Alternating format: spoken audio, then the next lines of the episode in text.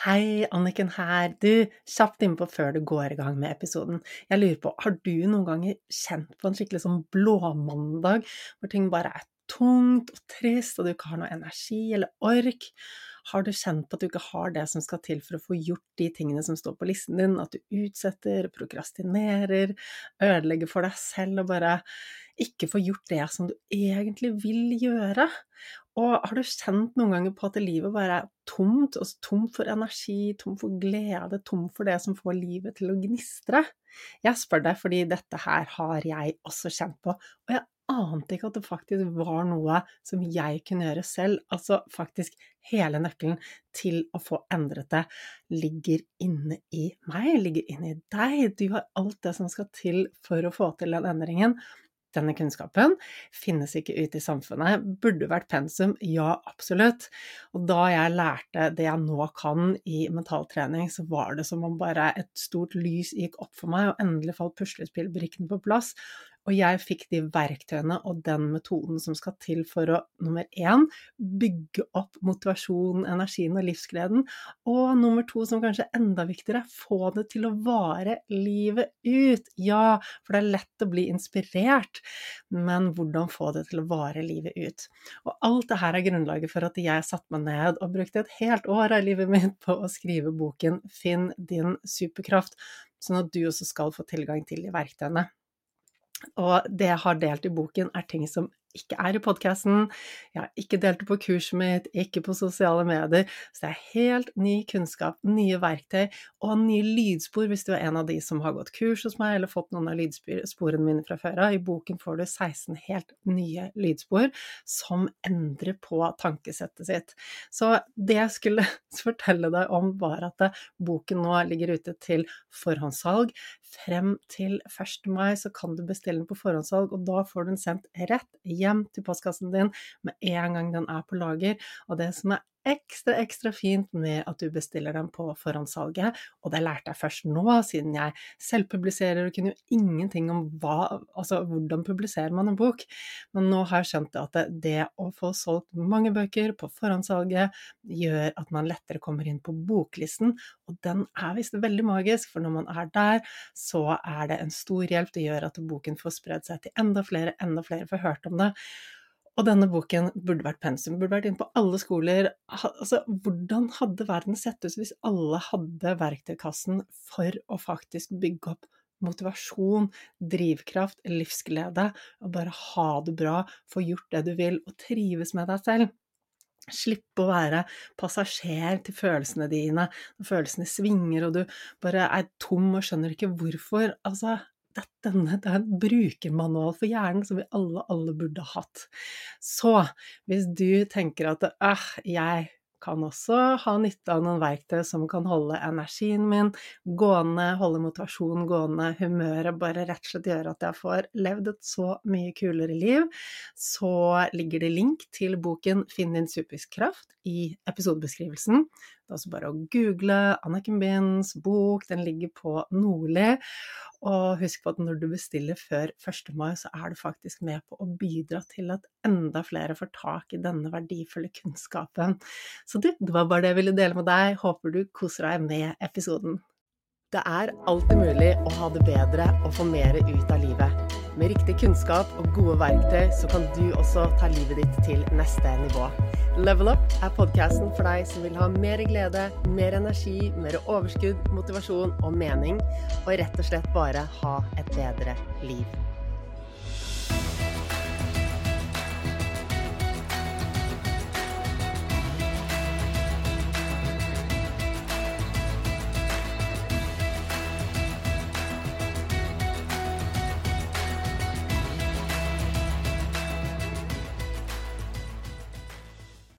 Hvorfor er det egentlig så utfordrende å sette grenser og stå opp for seg selv og si vår egen mening og, og ta de valgene som er riktige for oss? Hva er det som gjør at så mange av oss bare sitter fast i et liv som vi egentlig ikke er fornøyd med, og så døyver vi det med shopping eller hverdagsalkohol eller noe ekstra søt, god mat som vi har lyst på foran Netflix? Hva er det som gjør at det er så utfordrende å kjenne etter og begynne å stille oss selv de viktige spørsmålene og ta valgene for å få en endring som vi faktisk er fornøyd med, og gjøre de tingene som skal til for at vi kan kunne leve et godt liv. Det er klart at eh, det er flere grunner bak dette, og stikkordet er at dette handler om hjernen. Og en annen viktig ting å ta med er at eh, får ikke en endring ved å jakte på utsiden. Det er først når vi begynner å rydde opp på innsiden og ta den store vårrengjøringen på innsiden, at vi får endringen. Og i ukens episode så er jeg så heldig å ha med meg Annika, som har Altså, hun har gjennomgått en så utrolig reise det, ja, de to siste årene. Um, og hun deler veldig åpent og ærlig om uh, hennes reise. Oppturer, nettturer og utfordringer. Og jeg er helt sikker på at du kommer til å kjenne deg igjen i så mye av det hun deler. Og ta med deg viktige perspektiv og spørsmål tilbake til ditt liv. Så du, da er det bare å kose deg med episoden. Hjertelig velkommen til Level Up, Annika. Det er så hyggelig å ha deg med i dag. Tusen takk for at jeg får være med her. og uh, Det her er jo litt skummelt, men uh, samtidig syns jeg det er veldig viktig, og jeg har lyst til å bringe ut min uh, lærdom i min personlige reise, da, på en måte. Ja. ja. så takknemlig for at du, du, gjør det. Altså, som jeg sa til deg i sted også, det, hadde, det, hadde, vært litt rart hvis, eh, hvis, du ikke kjente på noen nervøsitet. Altså, jeg har jo jeg er jo vant til å spille inn disse type episodene på min podkast, mm. men med en gang jeg skal dra til et annet sted, spille inn ja. en annen podkast. Og sånn forrige uke så holdt jeg også en eh, livesending på engelsk i et studio som ikke var mitt, foran mennesker jeg ikke kjente. Ja. Og da var jeg også kjempenervøs. det kan jeg tenke meg, ja. Utenfor den komfortsone, da. Ja. Mm. Og det er så viktig at vi gjør det likevel, for det at ja. noe er skummelt, det, er, det, betyr jo ikke at vi ikke skal gjøre det. Og for noen episoder siden så delte jeg også på podkasten her hvordan vi faktisk trenger å gjøre de tingene som mm. er skummelt. Fordi, fordi, hjernen vår er, er så um, er skapt for å hele tiden lete etter det som er farlig. Så hvis vi, mm. hvis vi, hvis vi selv da bestemmer hva det er som skal være farlig, som vi møter og utfordrer oss på, så vil vi da vil hjernen kunne bryne seg på det. Og hvis mm. den ikke har noe som egentlig er skummelt, så skaper det noe som er skummelt, ikke sant? Ja. De setter jo begrensninger for oss sjøl, da. Ja. Det gjør det. Så mm. all kudos for at du er her i dag, og det setter jeg veldig pris på. Og du, mm. du er her i dag for å dele reisen din, rett og slett. Mm. Det er jo ja. ja. Så mye spennende. Så, men før vi hopper inn i din reise, så tenker jeg kanskje at du kan få si noen setninger om deg selv, sånn at lytterne ja. litt uh, får høre hvem du er. Ja. Uh, jeg heter Annika, uh, 39 år nå. Oppvokst på et lite sted i Finnmark. jeg er jo en livsnyter. Det har jeg alltid vært, altså. Så bra. jeg er glad i å oppleve verden og reist mye, reist mye rundt i Norge og nå når jeg er frilanser. Uh, ja. Jeg har jobba i helsevesenet siden jeg var veldig ung da også, og det gjør jeg nå fortsatt. Ja. Mm -hmm. Er du ja. gift? Har du barn? Nei, eh, jeg har akkurat blitt uh, singel, da. Eller det er jo ja, ni måneder siden vi avslutta forholdet. Har ikke noen barn.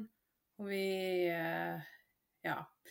Eller Det er første gang jeg er alene, på en måte ikke har en partner i livet, eh, og det er veldig bra for meg.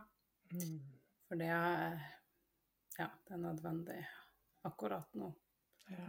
Jeg er på en viktig reise, og den må jeg gjøre alene for å liksom finne meg sjøl nå og ja, vite hva jeg trenger, og hva jeg ikke trenger. Og, ja. Gåsehud. Du, så utrolig fint perspektiv at du, at du ser det også. Altså, det er helt fantastisk å være i et forhold, men noen ganger så har vi bare nok med å finne oss selv. Skape mm. en versjon av oss selv som vi ønsker å være, og det livet vi ønsker å leve. Mm. For så å gå inn i et forhold når vi, når vi har landet oss selv, da. Ja. Mm. Det er jo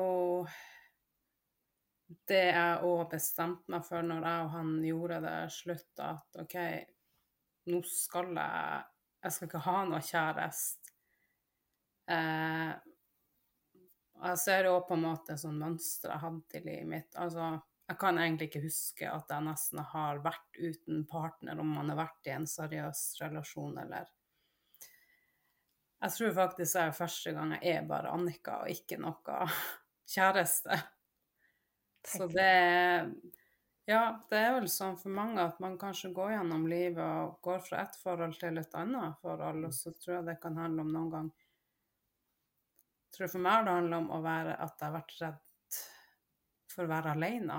Jeg har ikke klart å være alene, på en måte. Ja. Mm.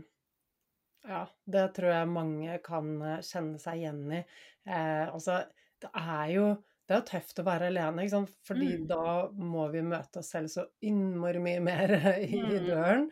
Um, og vi får så mye mer tid til våre egne tanker, og mm. er vi mm. sammen med noen andre, så kan det lett være sånn avledning ikke sant? fra mm. fra oss selv. Og så er vi jo Vi søker tilhørighet og samhold. Det er jo det vi er skapt for. Ja. Um, så det er veldig lett å bare finne noe nye å være med. Um, men det å virkelig ta den tiden du tar nå til å, til å mm. virkelig etablere deg selv, det, mm. det står det respekt av. Ja. Og det var som jeg sa til en kompis som jeg snakka med her om dagen, at jeg sa vet du hva, for første gang i mitt liv så kjenner jeg at jeg har det veldig bra nå. Selv om ting er kanskje veldig tøft ennå. Men jeg sa at han faktisk har aldri hatt det ordentlig bra da. Og det var sånn Oi, sånn er det nå faktisk. Jeg har det veldig fint uten en kjæreste. Og det er mulig. Tenk det. ja. Åh, så magisk. Så ja, da fikk vi lite innblikk i deg, og så er vi jo veldig nysgjerrig på prosessen din. Altså, jeg kan jo røpe deg at du er i medlemskapet mitt, mm. og du har gått kurset mitt, og du er jo alltid en som har vært veldig aktiv. Jeg syns du har mm. deltatt så mye på sendingene, liksom lagt inn kommentarer, fulgt opp og vært liksom veldig med, da, spurt. Ja. Uh, og det å spørre spørsmål, det får man jo igjen for, helt klart. Ja. Så, men vil du fortelle litt om reisen din? Og gjerne begynne liksom hvordan det var før du kom inn i dette universet og startet på kurs og ja. Altså, eh, for fem år siden Det er vel gjerne snart seks år siden, så ble jeg sykemeldt. Ja, jeg jobba da som sykepleier og eh, før jeg gikk til, Noen dager før jeg bestemte meg til å gå til legen, så bare kjente jeg var veldig sånn ukom, Altså, glemte ting veldig fort. Jeg var sånn gråtlabil, utrolig sliten og Ja, jeg tenkte Oi, er jeg utbrent nå, eller hva er det som skjer? Og så dro jeg til legen, og da tok hun masse blodprøver, naturligvis, som de pleier å gjøre. Og da viste det seg at jeg hadde utvikla lavt stoffskifte, da. Eh, og jeg var veldig sjuk, altså. Eh, og jeg ble sykemeldt da, ikke sant. Og når du blir sykemeldt, da har du mye tid på å, å fundere på livet, rett og slett. Livet ditt stopper på en måte opp, da, men eh, jeg klarte da å tenke sånn Ta et sånt steg tilbake og tenke sånn Hva bruker jeg livet mitt på egentlig? Er det her et bra liv for meg? Hva kan jeg gjøre nå for å få det bedre? Da forsto jeg at jeg var i en veldig kjip situasjon, men Og du kan bli lett sånn i en offerrolle, tror jeg også, når du blir sykemeldt, synes synd på deg sjøl, du vil ha sympati og alt det her. Men eh, jeg har jo alltid vært en sånn person jeg, som er god på å ta tak i ting også. Jeg har den der i meg, da.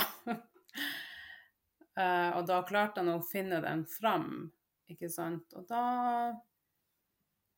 eh, Ja, på det tidspunktet var jeg i en veldig dårlig relasjon som ikke hadde vært bra i egentlig noen Altså, det var bare det Vi var ikke bra for hverandre, og ja Det var liksom et veldig vanskelig forhold, og vi hadde akkurat kjøpt hus, og egentlig det var sånn ett år sia men etter hvert så forsto jeg at jeg må ut av denne relasjonen, for han gjør ikke gode ting for meg nå, selv når jeg er sykemeldt og ikke fungerer. Jeg så at nei, det her er jo ikke bra for meg.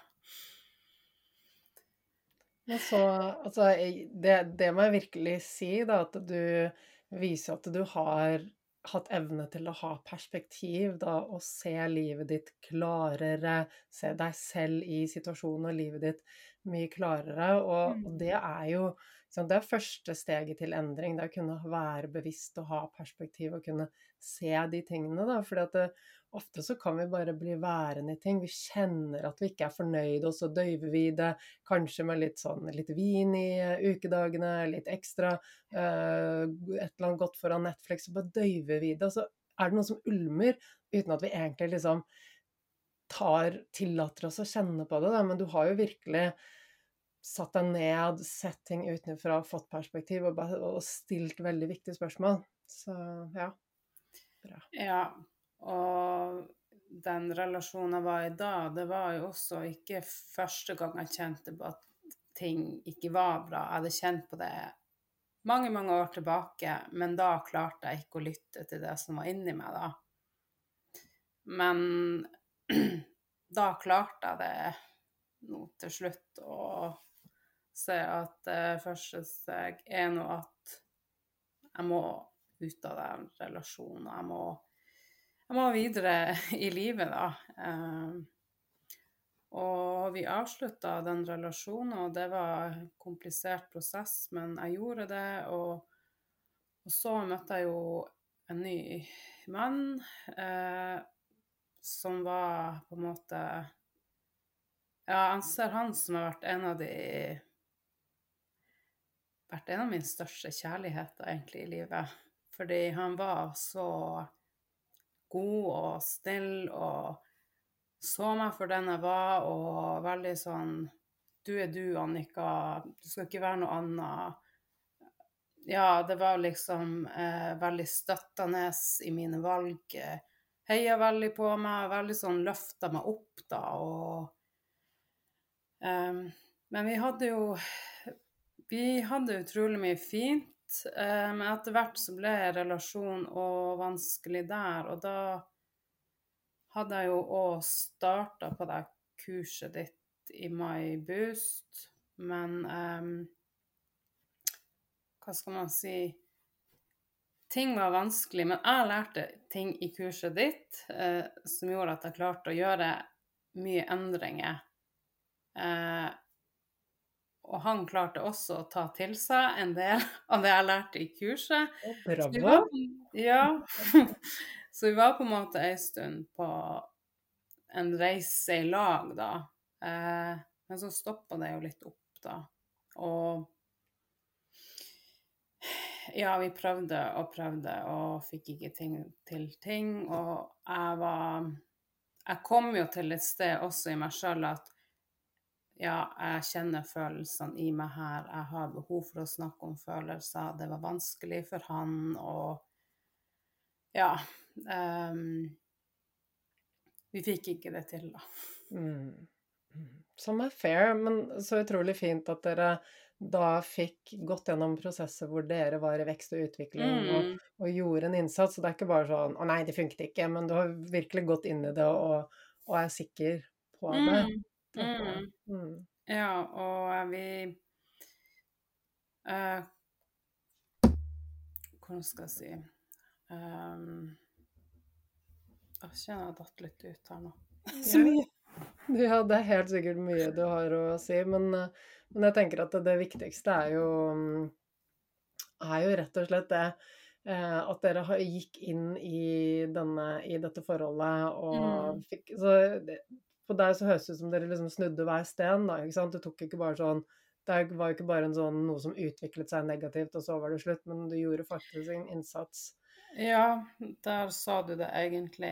Det var egentlig sånn relasjonen vår var. Eh, for vi hadde ei stund vi, Jeg følte vi var på samme sti, og så eh, kom vi til et punkt at vi kanskje ikke var det mer, at vi på en måte vi sklidde mer fra hverandre. Og det er klart at når vi har ting i oss sjøl som er traume eller sår, Mm.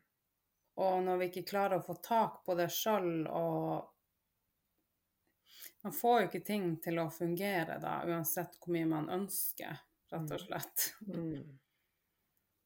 Ja, og det, er, eh, og det er det som gjør det så verdifullt, det du gjør nå, da, med å virkelig, virkelig finne deg selv, da, hvis vi kan si det på den måten.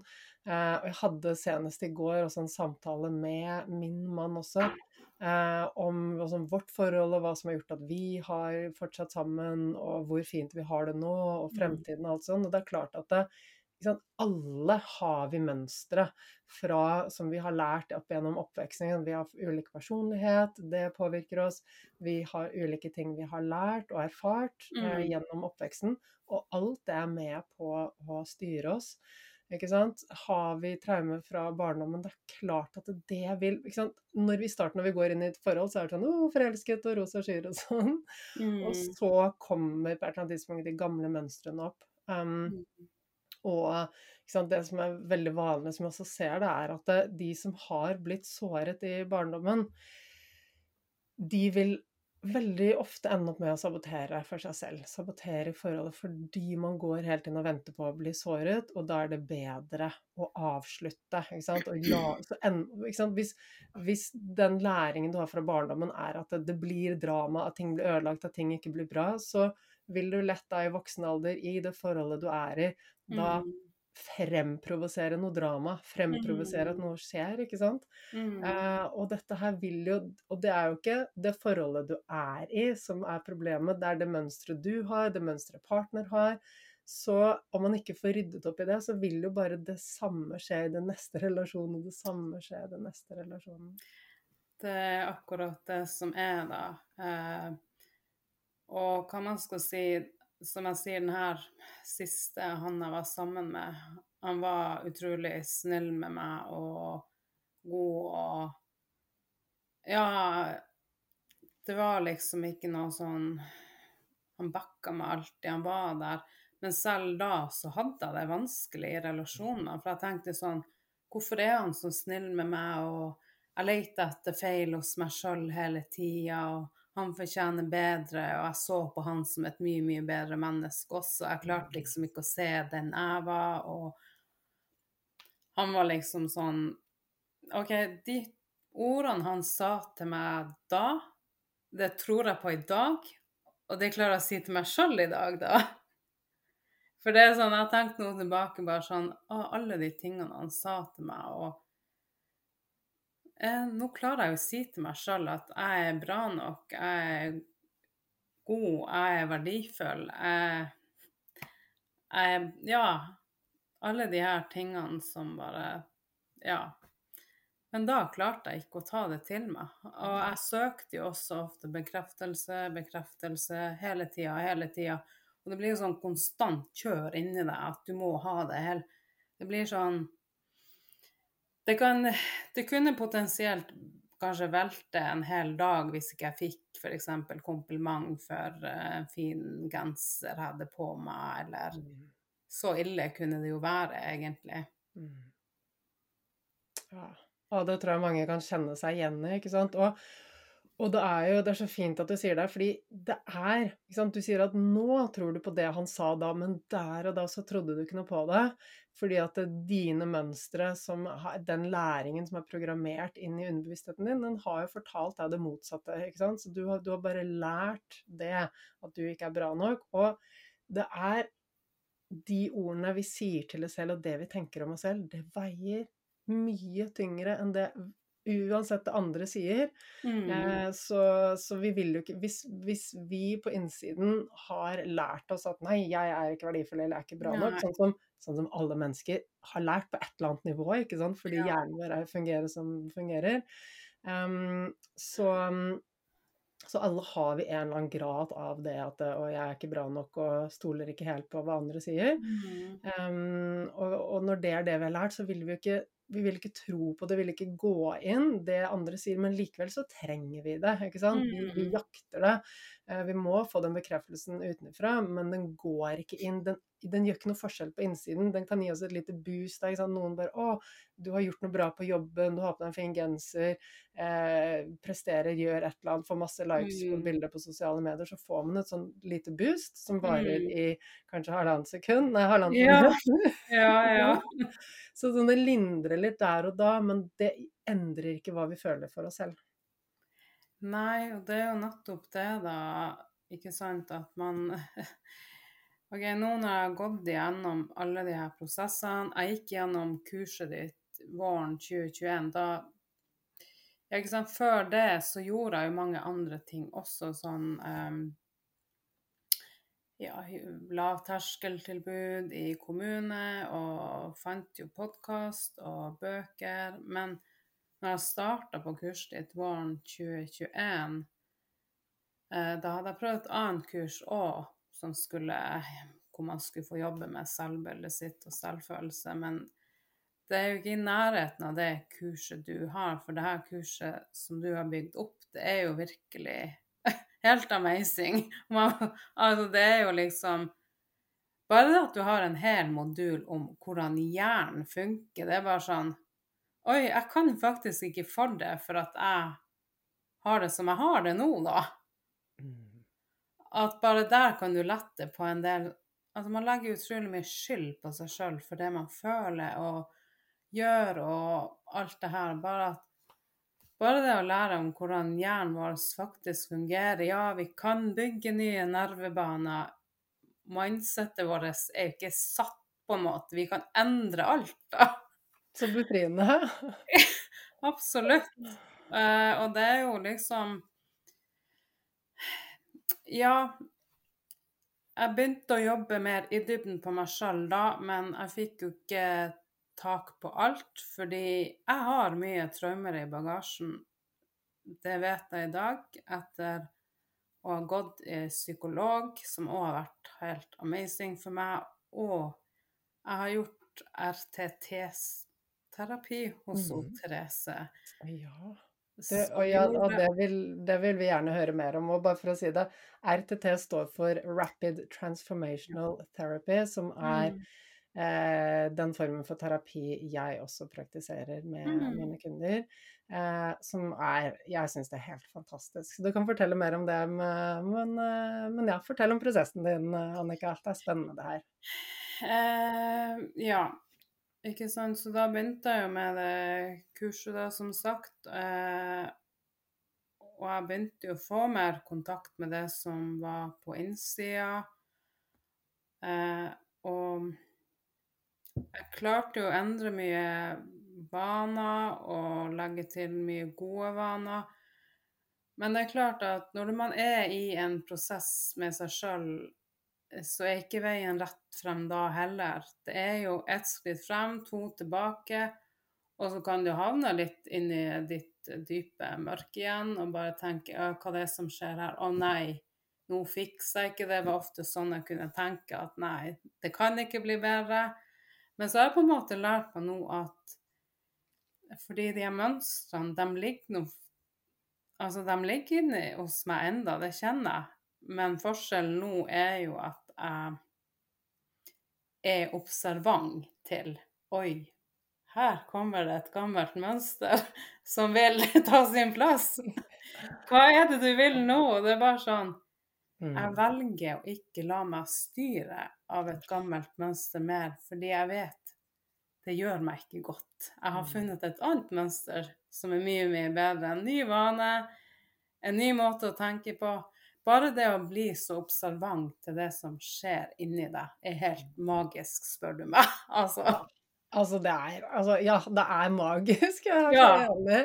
Og, og det jeg syns er veldig fint med det du sier her, er ikke sant for, for, Bare for liksom det er klarlagt, det sånn kurset Når vi har masse traumer i bagasjen, så er, så er det noe som vi må jobbe én til én med. ikke sant? Kurset er ikke laget for å rydde opp i alle traumer. Mm. Eh, Men alle har vi masse feillæring, som jeg kaller det, fra tidligere i barndommen, som vi trenger å rydde opp i. Og det, det gjør kurset veldig bra. Men det som er liksom de dypere tingene som, som, som vi sliter med, der er det det å jobbe én til én, sånn som du har gjort, som, som vi trenger i tillegg. Mm. Eh, og så syns jeg det også er så fint det du sier. For det, det er klart at det, de mønstrene som har vært de mest plagsomme mønstrene dine, da, de er jo kun beskyttelsesmekanismer fra Mm. hjernen din, ikke sant, som bare Mm.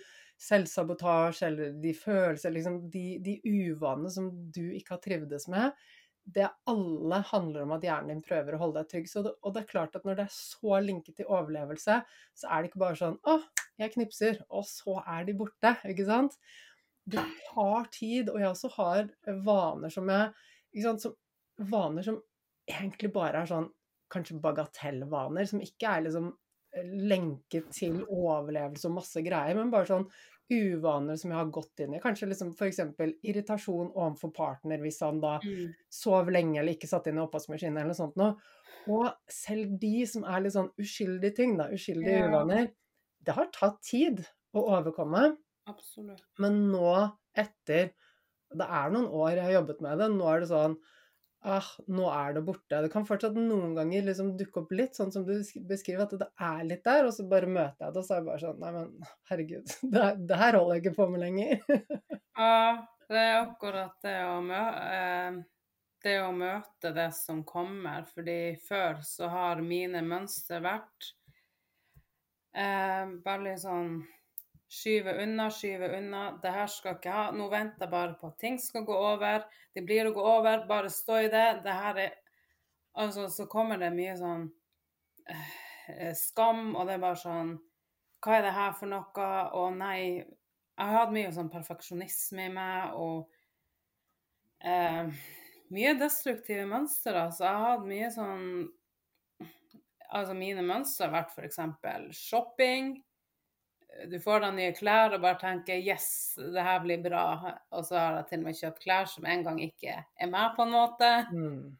Eh, har veldig destruktiv mester til alkohol også. Ja. Eh, Og det er så vanlig, og det er så fint at du sier det. Og jeg, jeg husker en melding du delte, jeg husker ikke om du var inne i, inne i portalen eller hvor det var, det at du, at du brukte så mye mindre penger på klær nå som du hadde gått gjennom kurset. Hmm, ja, altså, jeg har jo nå holdt på å si hatt en opprydding i skapet, og så t- flirer jeg litt for meg sjøl, for jeg tenker så Jeg har jo klær der som jeg ikke har brukt, og det forteller meg jo at jeg har kjøpt noe som jeg tenkte det her kan jeg jo føle meg bra i, og det kan gjøre at jeg får det bedre, eller eh, Mens nå er det jo sånn at vi må søke innover og finne det inni oss for å få det bedre, da. Det ligger ikke de ytre omstendighetene i et hus, i en bil eller en ferie eller alle de der tingene som vi tror skal gjøre, gjøre livet bedre. Fordi Mm. selv om vi sitter med et fint hus, ja, vi har noen utfordringer da også. Det huset hjelper ikke. Nei, det gjør ikke det, altså. Og sånn som, eh, altså, sant, som shopping eller andre, Mm. Andre ting, det er, jo, det er jo drevet av? Hjernen har på et eller annet tidspunkt lært at det, vi får et boost av dopamin når vi shopper. Det gjør vi. Ja. Men det varer jo bare, la oss si ja, det varer veldig kort. Eh, Mm. Det går over veldig fort, fordi eh, Så mange grunner til det. Men, men den gode følelsen du får, går over veldig fort. Men så har jo da Hvis du ikke klarer å produsere den gode følelsen på innsiden Og la meg liksom bare forklare kort at eh, den gode følelsen på innsiden har du når du vet at du er nok. Mm, når, mm, du, når du vet at du er verdifull, når du vet at du har tilhørighet, at du hører til, mm, og du har den indre tryggheten og indre Mm. styrken, da har du en god følelse, og da trenger du ikke noe på utsiden. Da kan du, du kan kose deg med et nytt fint plagg, for at eh, kanskje du skal i bryllup og det er gøy å ha en fin kjole, men du Mm. trenger det ikke for å være lykkelig, og det er veldig stor forskjell.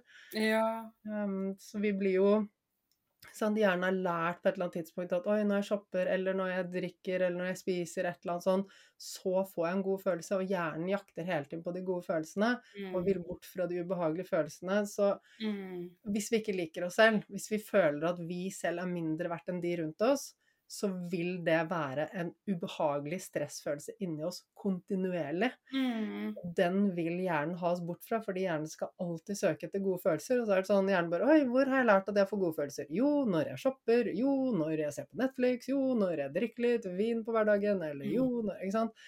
Så, og da, da er det det som driver oss automatisk til å gjøre Mm. de tingene. Eh, Mm. og så varer den gode følelsen bare veldig kort, men det er jo irrelevant, for da er det bare jakte på ny, ikke sant. Og, og sånn blir vi sittende fast i en sånn en loop med jakt på på den ene siden eh, Mm. anerkjennelse og, og, og positiv tilbakemelding, for det gir også dopamin. Og så er det de eh, uhensiktsmessige vanene som shopping og Netflix og alkohol og de tingene som bare gir veldig, veldig kortvarig eh, godfølelse.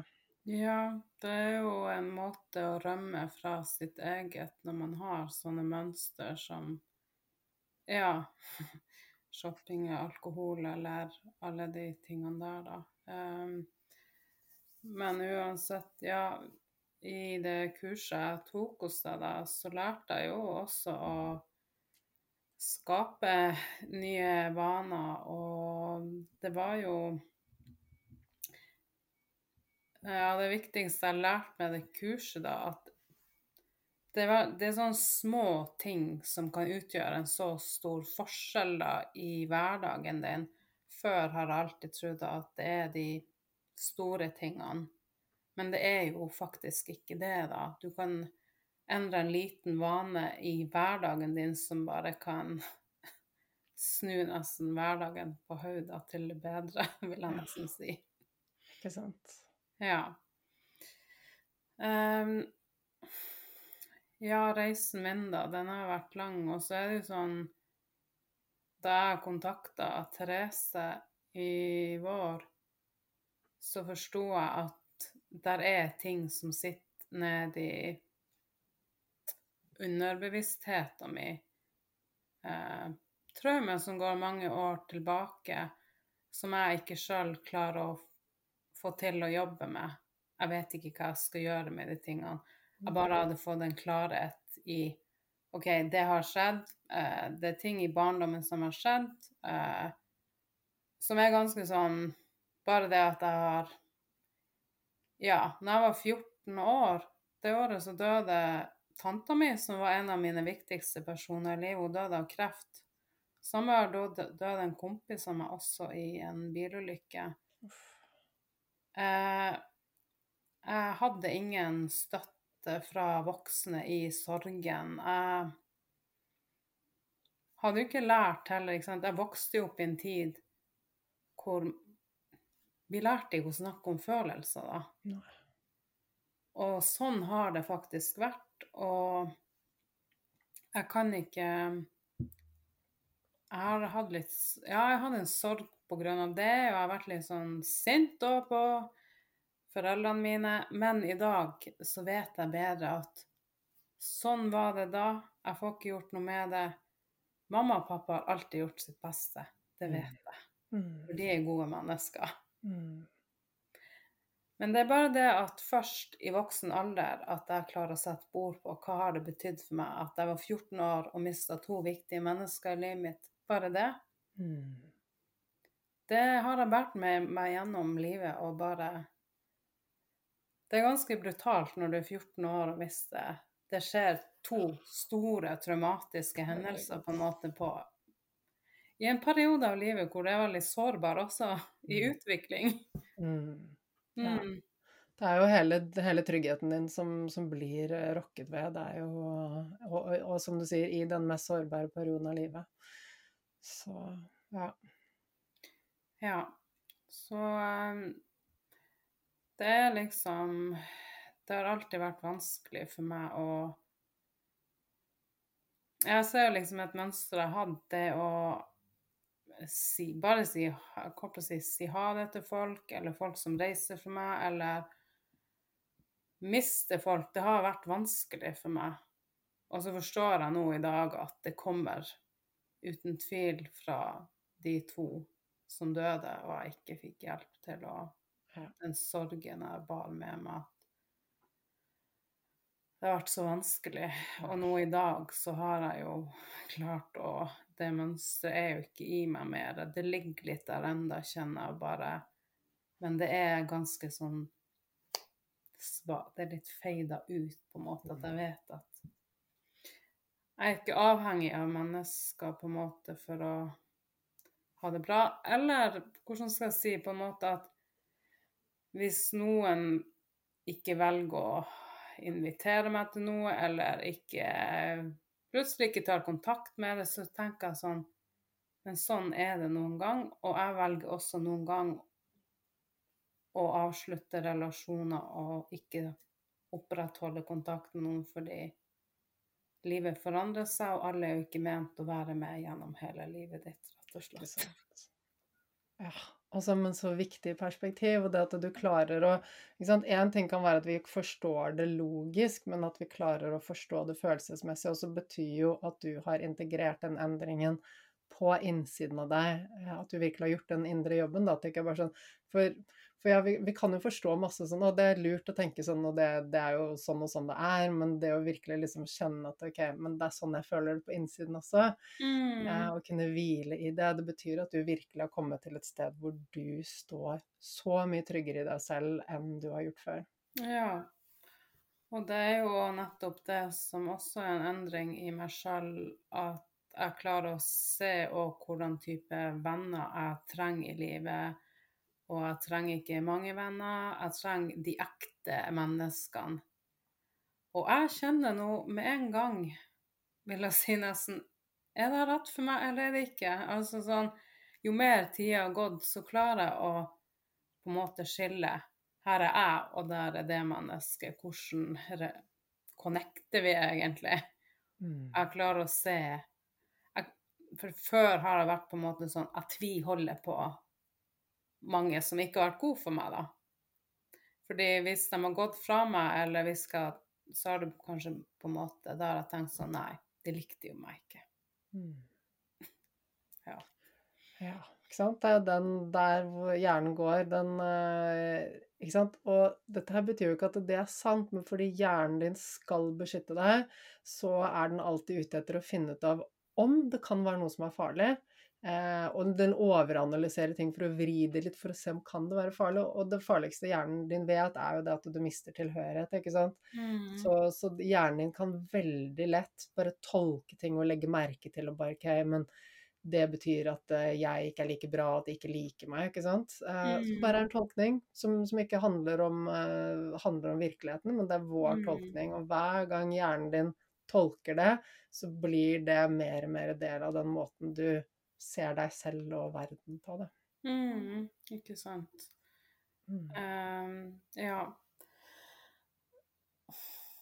Ja, og nå eh, fortalte du meg noe før vi startet eh, innspillingen her, og jeg tenker at dette med ikke sant? Det er jo så masse sånne der, eh, oppskrifter på hvordan sette grenser, og hvordan lære deg liksom sette grenser, og bare gjør sånn og sånn, men, men det er jo ikke bare å gjøre sånn, og det er ikke bare å øve deg opp til å sette grenser, er det vel? Det er jo absolutt ikke det, da. Og grensesetting er jo noe jeg også lærte meg i kurset ditt, som jeg på en måte har forstått at ja, har man Kan man ikke det fra før, så må du bli kjent med deg sjøl, og så må du lære å kjenne hvor er mine grenser, da, på en måte. Og det er jo utrolig vanskelig, for jeg har ikke kjent mine grenser før i det hele tatt. Jeg har jo omtrent ikke visst hvem jeg har vært, liksom. Så jeg har store deler av livet så har jeg tøyd grenser utrolig mye. Og jeg har nok kanskje gjort det overfor andre mennesker vil jeg nesten si. Det tror jeg også har skjedd, da. Men spesielt mine egne grenser, de har jeg tøyd noe voldsomt. Og det er smertefullt når du tøyer. Og du kjenner noe vondt inni deg, men du vet jo ikke hva du egentlig gjør. Ikke sant? Ah, så fint sagt, Ja, Du kjenner at det er vondt, Ja. Men du klarer ikke helt å pinpointe hva er det. Og det som, det som jeg ser da, er at hvis vi ikke føler at vi da er verdifulle, så ender vi opp med å si ja til alt og alle fordi vi vil please alle. Vi vil ha den bekreftelsen, vi vil at andre skal like oss. Mm. Så uh, utvasker vi eh, våre egne grenser, Mm. respekten for oss selv, det bryter ned selvfølelsen. Det blir en sånn negativ spiral Mm. uh, som også gjør at vi ofte bare sliter oss ut fordi vi det er så mange muligheter i verden, det er så mange ting da, som kommer vår vei. Hvis vi sier ja til alt bare for å please alle andre, eh, så, så går det utover energien vår og helsen vår til slutt. Ja. Og det er jo også et mønster jeg har hatt. Jeg har vært veldig god å stille opp for andre, hjelpe andre. Vært veldig sånn aktiv i frivillige organisasjoner og hatt mye verv når jeg har vært i jobb. Jeg har tatt utrolig mye på meg. Mm. Mens nå tenker jeg meg om mange ganger før jeg virkelig sier ja til noe. Ikke sant? Fordi jeg må kjenne Det er jo akkurat det å tenke hva velger man å bruke tida si på? Hva er viktig for meg akkurat nå, i dag? Hvordan har jeg det? Hvordan er dagsformen? Ikke sant? Jeg lever med en kronisk sykdom, eh, og det vil jeg også si at det her er jo første gang siden jeg fikk lavt stoffskifte, hvor jeg har god helse, da. Er ikke det rart? Det er egentlig ikke så rart. Det føles rart at Kropp og sinn henger sammen. Ja, men det er liksom um, Fordi jeg har tatt alle de valgene jeg har tatt med å lære meg å sette grenser og kjenne ut hva er rett for meg. eh, ta bedre matvalg også, ikke Ja. sant. Før var det sånn Hadde jeg mye sånn overspising. Altså Mm. strenge dietter jeg prøvde å følge. Ja. Ikke så mye regler rundt kosthold, mens nå har jeg bare Jeg har sluppet alt og bare Jeg trenger ikke å stresse mer rundt akkurat det heller, fordi jeg gjør gode ting for meg nå. Åh, så fantastisk. Det, det har jeg lyst til å snakke litt mer om. Og så vil jeg bare legge til dette med, med det, ikke sant? Dette at Før så stilte du opp på alt mulig, og nå stiller du deg selv spørsmålstegn før du gjør det. ikke sant? Og det å sette grenser og gjøre det som er riktig for oss, det betyr jo ikke at vi ikke skal bidra i samfunnet. Jeg fikk dette det spørsmålet for et par uker siden. Ja, men, men liksom skal jeg bare si nei til alt, og hva skjer da? Men nei, det er ikke det det handler om. Vi skal fortsatt være der for andre, fortsatt kunne hjelpe andre, men forskjellen er jo har vi sagt ja til alt og bare slitt oss, bare fokus og energi, slitt den tynt, da er vi jo ikke der for andre på en god måte. Ikke? Hvis, hvis vi sier ja bare for å please andre fordi vi er redd for å bli mislikt, det er en helt annen energi når vi tar vare på oss selv, når vi står stødig i oss selv, så har vi overskudd til å si ja, ikke sant? Mm. Der hvor det passer. Og Mm. når vi ser at nå er det for mye på timeplanen, helsen er ikke der den skal være, jeg har ikke energi, så kan vi si nei og hvile i det. Ikke sant? Så det gir oss så mye større eh, mulighet, altså større spillerom, da, rett og slett. Og når vi går inn i eh, Når vi stiller opp for andre. fordi det er jo, Jeg vet jo at dere som går gjennom denne reisen, dere ender jo ofte opp med et veldig ønske om å hjelpe igjen. Og jeg vet jo, som vi snakket om i medlemskapet her på tirsdag, så vet vi også at det å gjøre ting for andre, hjelpe andre, det bidrar jo faktisk til at vi får bedre helse og lever lengre. Så det betyr at det setter i gang gode prosesser i oss, men det er veldig forskjell om vi gjør det fordi jeg trenger anerkjennelse og jeg har masse indre stress i meg og er redd, versus jeg har det så bra i meg selv, jeg har så mye å gi verden, Ja. og nå har jeg overskudd til å stille opp. Det er jo en forskjell der nå, og det vil jeg jo si at eh, jeg kjenner forskjell nå.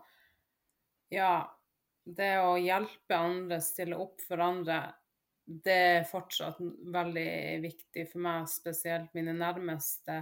Men forskjellen nå er at jeg kjenner Jeg må kjenne mine grenser i Fordi jeg skal ikke redde et annet menneske, men jeg skal fortelle at her er jeg, jeg kan hjelpe og støtte deg. Men jeg skal òg trekke meg tilbake og huske at ah, her er jeg, her er mitt. Jeg har Mm. mine ting, jeg også. For det har jeg Mm. fortsatt. Yes, det har vi alle. Ja. Eh, og så er det sånn, jeg begynte jo på videreutdanning i fjor, i august. Mm. Um,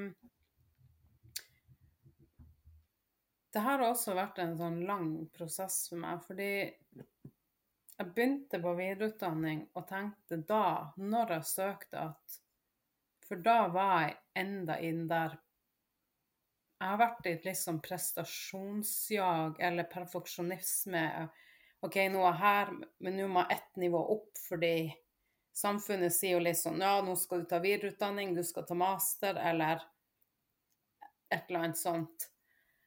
Eh, men jeg søkte nå i hvert fall Jeg hadde jo en viss interesse òg for det jeg søkte på, men underveis i studiet så har jeg jo kjent på mange ting om er det her egentlig rett for meg. Det har vært vanskelig. Det er klart at jeg har mine helseutfordringer med stoffskifte som bidrar at jeg har litt enkelte dager hvor jeg er mye, mye mer sliten. Det kreves mer hvile. Jeg har utfordring med å Jeg ser nå at jeg har utfordring med å lære meg nye ting sånn Eller jeg klarer det, men jeg bruker kanskje lengre tid. Det kreves mer av meg det er ikke like lett å sitte og lese i pensumbøker nå som det var for den, den tida da jeg tok sykepleierutdannelsen.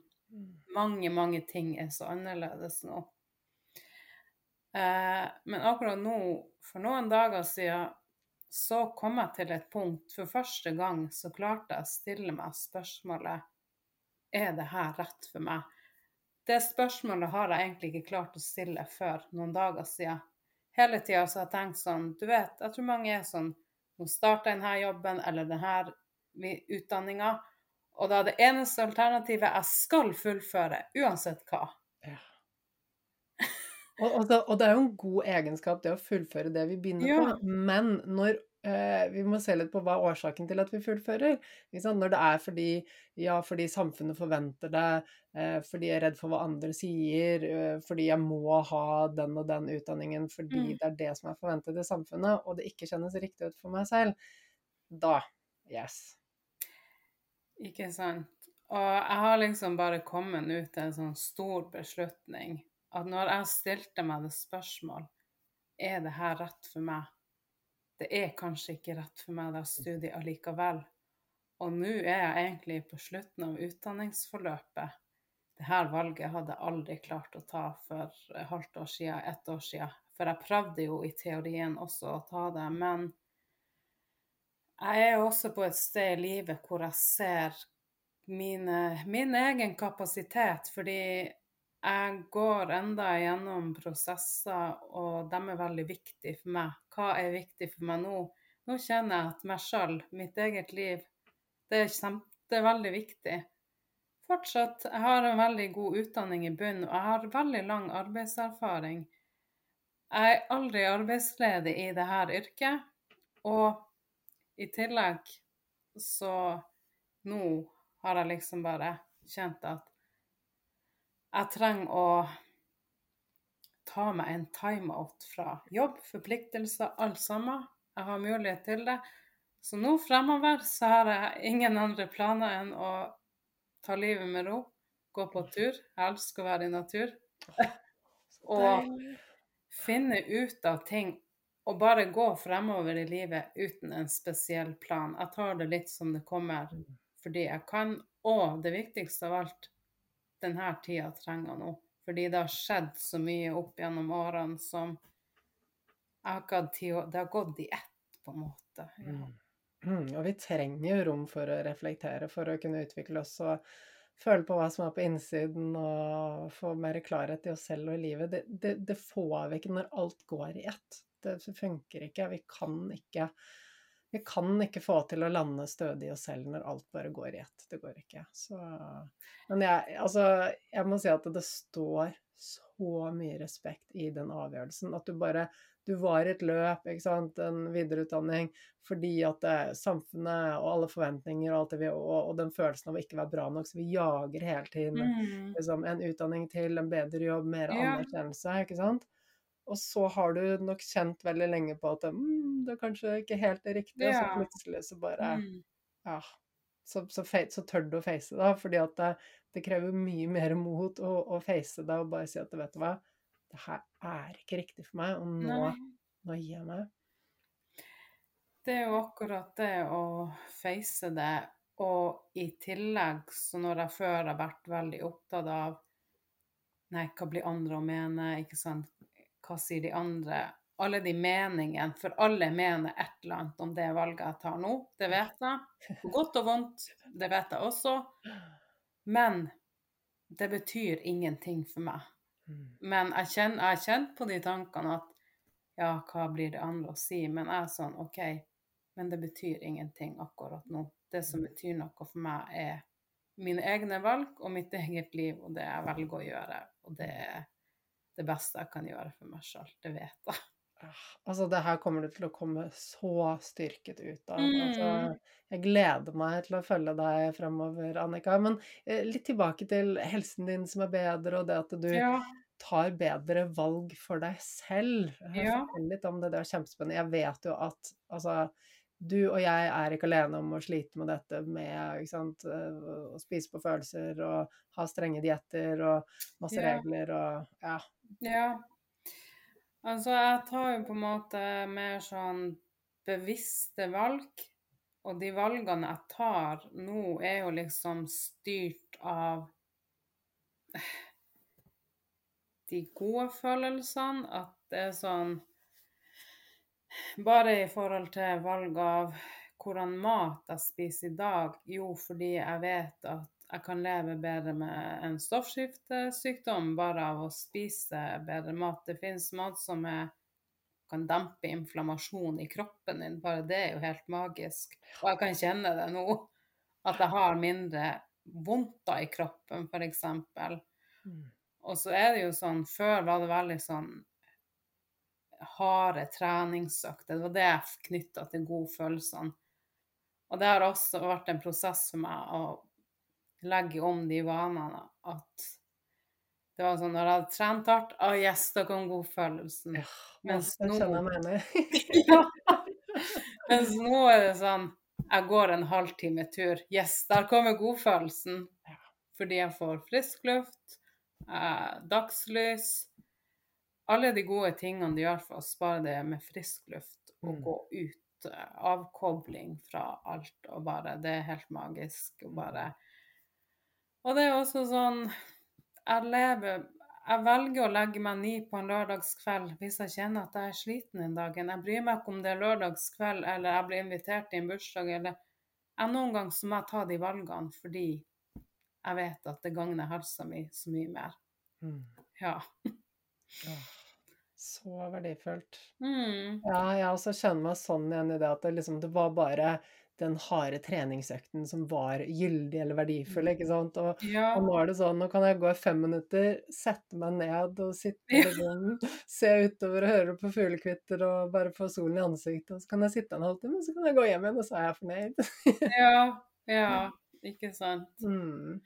Eh, og bare det nå at jeg har tatt det, det valget om å slutte på videreutdanninga, det er jo liksom også på bakgrunn av min egen helse, som jeg kjenner Ja, altså helsa mi, da, og hva har jeg egentlig kapasitet til? Fordi Mm. jeg må erkjenne for meg sjøl at jeg har ikke kapasitet til alle kravene på studiet, og jeg skal ikke på død og liv ha en videreutdanning heller. Det er ikke, det er ikke viktig for meg, det heller.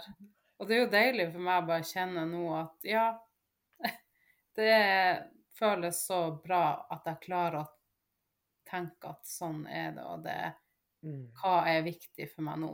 Det er ikke en videreutdanning akkurat nå. Så det, altså, det er som musikk i mine ører, Annika. Fordi, og jeg vet jo, jeg ser jo rundt meg så mange som bare driver seg til dårlig, dårlig, dårlig helse og Mm. fordi det er den derre å, men jeg må leve opp til samfunnets forventninger. Jeg må Ja. jakte mer bekreftelse og anerkjennelse. Jeg må være mer verdifull gjennom alt det jeg gjør. Og så Mm. sliter de seg ut. Og helsen, altså Helsen til altså befolkningens helse, dette har vi snakket om mye i medlemskapet også. og Ja. Jeg, jeg, vi har hatt inn Torkil Færø på podkasten, han kommer igjen snart også. Ja.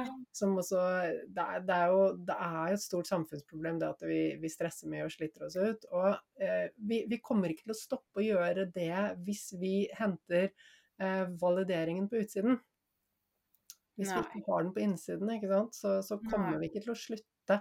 Det er sånn Ja, jeg vet at jeg burde stresse ned, men hjernen din skal jo holde deg trygg, og hjernen din holder deg trygg ved Ja. å få validering på utsiden.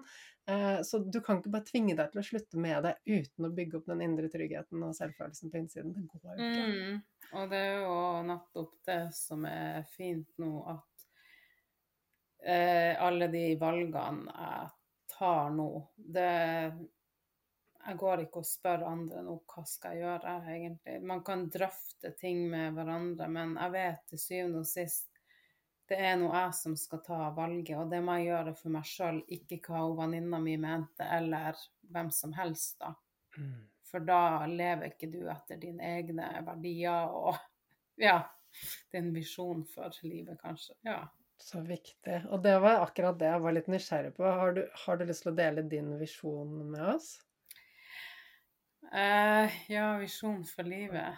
Har du klarhet i den? Og det er jo sånn som man ikke alltid har klarhet i, men jeg vet at vi har jobbet med det kurset, så kanskje du har noen tanker om det? Ja. Uh, jeg tenker bare så enkelt så viktig at jeg skal ha det bra. Mm. Mm. Det, og det Og det sier jo alt. Det gjør jo Det det. sier jo alt, jeg tenker. Det er fokuset der Fokuset mitt ligger der, da. At Mm. Jeg står øverst på to do-lista, på en måte. Ja. Og det er Det er sånn det skal være fremover, og det er liksom Ja, jeg har mine drømmer, og ja, lyst på ny kjæreste, men forskjellen nå er jo at det må være rett person for meg, og jeg trenger fortsatt å bygge meg sjøl opp, og så ja, plutselig møter på en, men jeg klarer da å ta stilling til om er det dette her mennesket som kan være bra for meg? Kan vi være bra? For Alle de tingene har jeg jo integrert i meg, og holder på å integrere i meg, og ja. Mm. Jeg tror du at vet jeg kan det. få en veldig bra relasjon med en fremtidig partner. Det har jeg veldig trua på nå. Ja, det har jeg også veldig trua på. Og Annika, du må jo vite det at det, Eller dette vet du også. Ikke sant? Når vi ikke er trygge på innsiden, så trenger vi det på utsiden. Det er det du har snakket om. Du trengte den bekreftelsen på utsiden. Men når vi har trygghet på innsiden, da trenger vi ikke noe på utsiden. Og da skifter den retningen på energien. Så før har vi kanskje sugd energi til oss for å opprettholde oss. Men når du har den indre tryggheten, så sender du energien ut. Ikke sant? Mhm. Du sender din energi ut. Og de menneskene du tiltrekker deg, er de menneskene som er riktige for deg. Ja, for deg. Og ja. når du er Altså, vi blir aldri ferdig med å utvikle oss, det, det skal vi være ærlige på, men når du liksom har landet relativt godt i at ok, nå, nå har jeg ryddet opp så mye, jeg føler meg så trygg i meg selv, da sender du ut en energi som gjør at du kommer til å tiltrekke deg den Mm. personen som er riktig for deg. Mm. Mm. Det, det har jeg nå sett allerede at jeg har gjort det, da. Og det, det er jo helt magisk. Jeg har snakket med flere som Ja. har vært gjennom kursløp og sånn hos meg, som bare Vet du hva, jeg, jeg tiltrekker meg så mange mennesker, jeg. Og så Ja, så dere kommer til meg, sånn at menn vil ha meg, jeg vet nesten hva jeg gjøre. ja, det er jo helt magisk. Altså at man på en måte Ja, jeg forstår mer av det, hva det innebærer nå. Det tiltrekker de rette menneskene. Og Mm. også klare å se det, hvordan mennesker som faktisk ikke er bra for, for seg sjøl, og bare OK, Mm. hun var ikke rett for meg, han er ikke rett for meg. Men det er helt OK, for jeg er fortsatt bra nok. Ja. Det er bare sånn det er, da. Det er sånn, og når du også har den Når du har den indre tryggheten og stabiliteten, så Mm. du blir jo en magnet. Du sender ut en kraft. Og de menneskene som ikke er bra for deg, de kommer til å skygge unna. Ja, mm, det er jo akkurat det. Og ikke sant, man skygger unna de som man ikke Hva man skal si Ja, for de Altså, trenger at de, altså de menneskene trenger at du er en svak versjon av deg selv, ikke sant? Ja. Og når, når du får, har den gode kraften, mm, så, så vil de også føle at eh, de blir usikre i forhold til deg, da, at de har ikke noe å hente hos deg. Nei. Mm. Og det er jo også det Før har jeg jo på en måte slitt med mye misunnelse, f.eks., og sånn Ja, hvordan kan hun ha det så bra, og hvordan kan hun være så glad, eller et eller annet sånt. Ikke sant. Men eh, nå ser jeg at sånne ting har jo kommet fra et vondt sted i meg sjøl. Jeg har ikke hatt det bra sjøl. Og nå er det jo sånn at nå jubler jeg for alle som har det bra, og elsker å høre at folk tar tak i sine ting og bare vil få det bra med seg sjøl. Det er liksom det beste man kan gjøre for seg sjøl, da. Og bare Så nå, misunnelsen min, den er jo ikke der mer. Den er Mm. liksom Ja, den kommer innom, men det dominerer ikke liksom på den Mm. måten, da. Mm.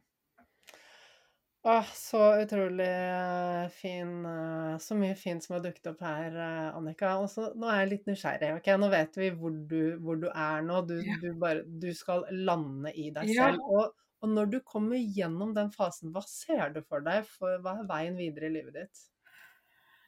Altså, før jeg starta på videreutdanning, så frilansa jeg som sykepleier. Det er noe som vi kan gjøre i dag, og det livet jeg jo rett og slett. Så jeg er på vei tilbake til det livet, og frilanse.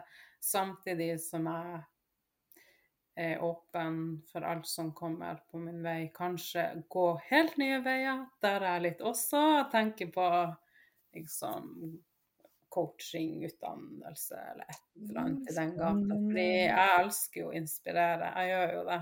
Mm. Og jeg vet at jeg inspirerer mange allerede. Og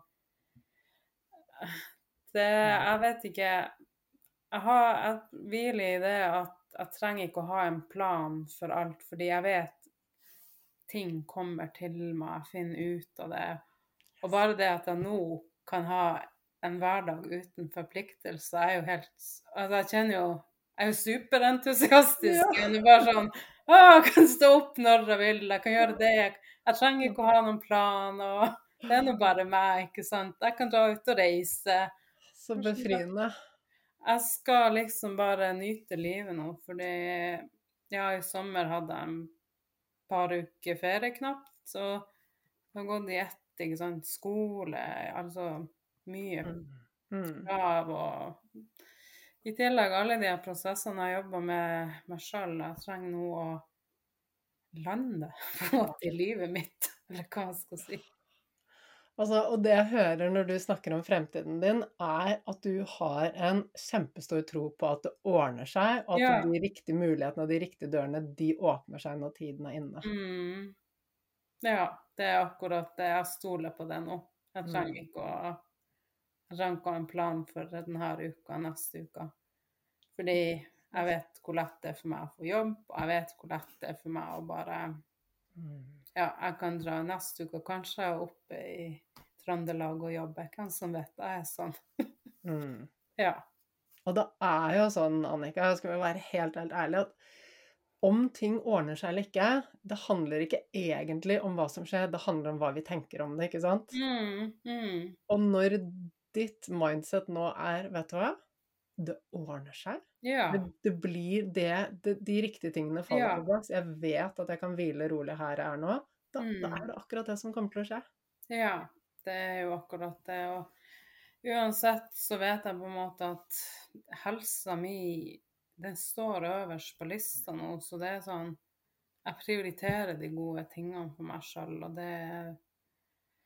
Jeg Altså, jeg bare kjenner i dag, sant, gjennom helga så har jeg Det har kverna ganske mye opp i hodet mitt med å bare ta en beslutning om at slutte på utdanninga nå. Det er sånn Jeg tror nesten ikke sjøl at jeg har tatt den avgjørelsen, men for hver dag som har gått, så kjenner jeg at det blir lettere og lettere og lettere. At det er jo helt sånn Det føles så surrealistisk for meg, fordi jeg har aldri sett den her skulle komme, at jeg bare Nei, det er ikke rett for meg. Nå slutter jeg. Jeg skal gjøre noe annet. Det er ikke ment for meg.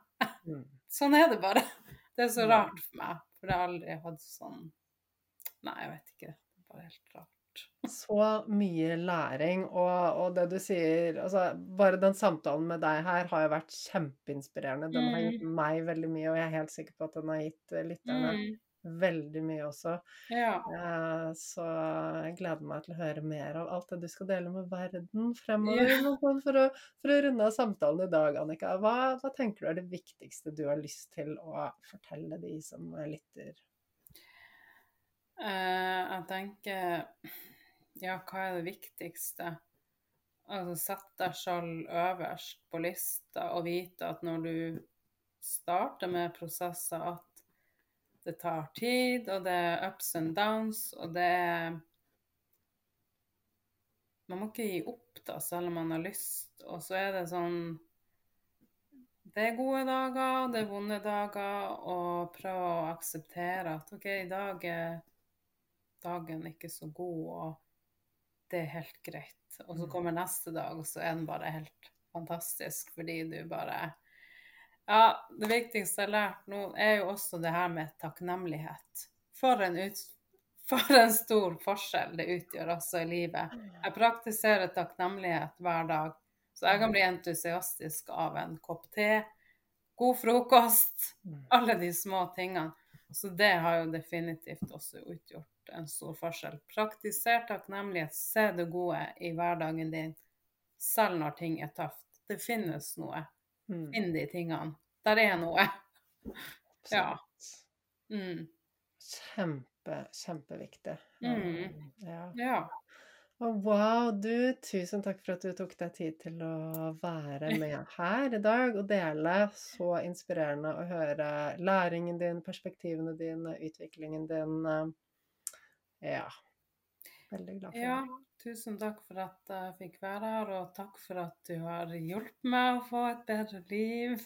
Det er altså du, du inspirerer meg veldig fortsatt, og ja, fint å være i medlemskapet, og jeg er sugen på å lære mer, og det er en spennende verden. Ja. Så gøy. Og det er så mye spennende å lære. Og jeg skal jo selv, det fortalte jeg dere, i november så skal jeg gå en ny sertifisering. Og dette er ikke fordi jeg tenker at jeg må ha flere Nei. sertifiseringer, Nei. men her skal jeg lære noen helt nye teknikker som lar oss jobbe med det ubevisste. Um, som er litt annen form enn den RTT-en, så det kommer til å bli så spennende. Ja, det er superspennende ut. Veldig gøy, da. Så det skal jeg dele med dere inn i medlemskapet, når vi Mm. Oi, jobber mer med good. teknikker og sånn. Så Ja, det blir gøy. Alltid noe å lære.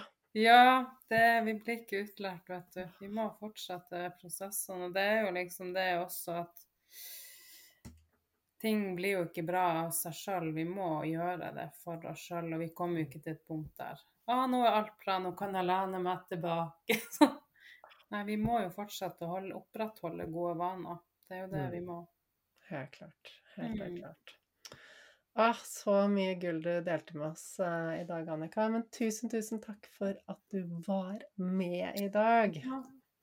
Veldig hyggelig å være her. Så bra. Ha det bra. Ha det. Hva tar du med deg fra samtalen til Annika og meg? Jeg er helt sikker på at du kjenner deg igjen i flere av de tingene som vi har snakket om. Og hva betyr det for deg, og hvordan kan du bruke det til å se annerledes på deg selv og livet ditt? Du, jeg er sånn alltid veldig nysgjerrig på å høre om hva som skjer oppi hodet ditt når du hører på episoden, og hva som skjer oppi hodet ditt og i livet ditt etterpå. Fordi ja, det er fint at du får perspektiv og lærer mye fint her, men jeg vil også at du begynner å ta det med ut i livet ditt. Bruke det, og se hvilken endring du kan få til. Så det, del det gjerne med meg, enten på sosiale medier eller e-post eller hva det nå er. Setter så stor pris på det. Og du, gleder jeg meg til å se deg igjen neste uke.